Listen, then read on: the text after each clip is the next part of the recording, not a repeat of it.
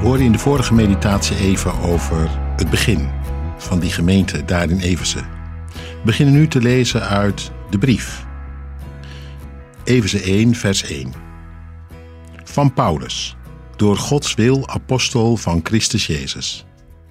Aan de heiligen in Everse, aan de gelovigen die één zijn met Christus Jezus. Genade zij u en vrede van God, onze Vader en van de Heer Jezus Christus. Even een opmerking vooraf. Van Paulus staat hier. Er zijn theologen, exegeten, die reden hebben om aan te nemen dat het wellicht toch door iemand anders geschreven is. Dat heeft te maken met intonatie en taalgebruik. Algemeen wordt wel aangenomen dat het een brief is uit de Paulinische traditie. Nou, hoe het ook zit, um, het belangrijkste is dat het een brief is waarin de geest zelf het woord wil nemen. Door het schrijven heen, daar in die gemeente.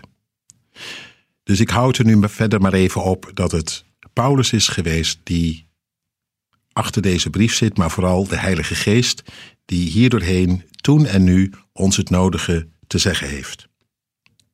En dan vind ik het een heel mooi begin.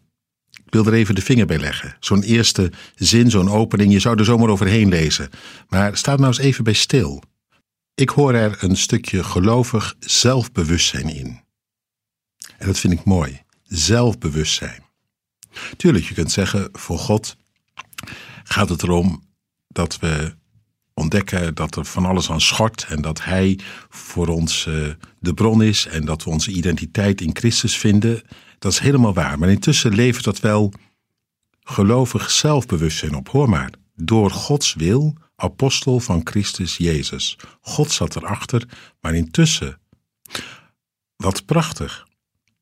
Dat genadige van God heeft de man die eerst één brok verzet was, gemaakt tot een gezondene van Christus Jezus, helemaal in zijn dienst. En Paulus is zich dat bewust. En dat is goed, dat je bewust bent wat je dankzij God, door de genade van Christus, in de kracht van de geest bent geworden. Een wereld van verschil. En dat je vandaar dus in het leven staat. En Paulus schrijft het niet alleen over zichzelf, hij schrijft het ook naar die mensen in Efeze, dat zij zullen beseffen wie ze zijn aan de heiligen in Efeze.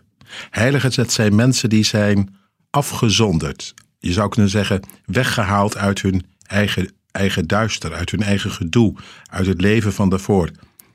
Hij voegt eraan toe, aan de gelovigen. Gelovigen zijn mensen die gericht zijn geraakt op God, zich hebben leren toevertrouwen aan Hem. En zegt hij er nog iets bij, die één zijn met Christus Jezus, ongekend. In één zin zegt hij eigenlijk uit waar het in de hele brief over gaat. Met Christus gestorven, met Hem opgewekt, met Hem in de hemel gezet, één met Christus. Sta er eens even bij stil. Laat het eens tot je doordringen. Wees het jezelf bewust.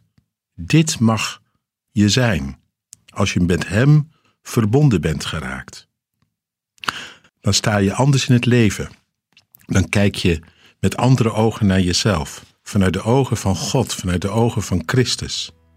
En daar komt dan bij dat hij daarop door wil. Hoor maar, de laatste woorden. Genade zij u en vrede van God, onze Vader en van de Heer Jezus Christus. Dagelijks mag je drinken uit deze bron, leven van deze genade.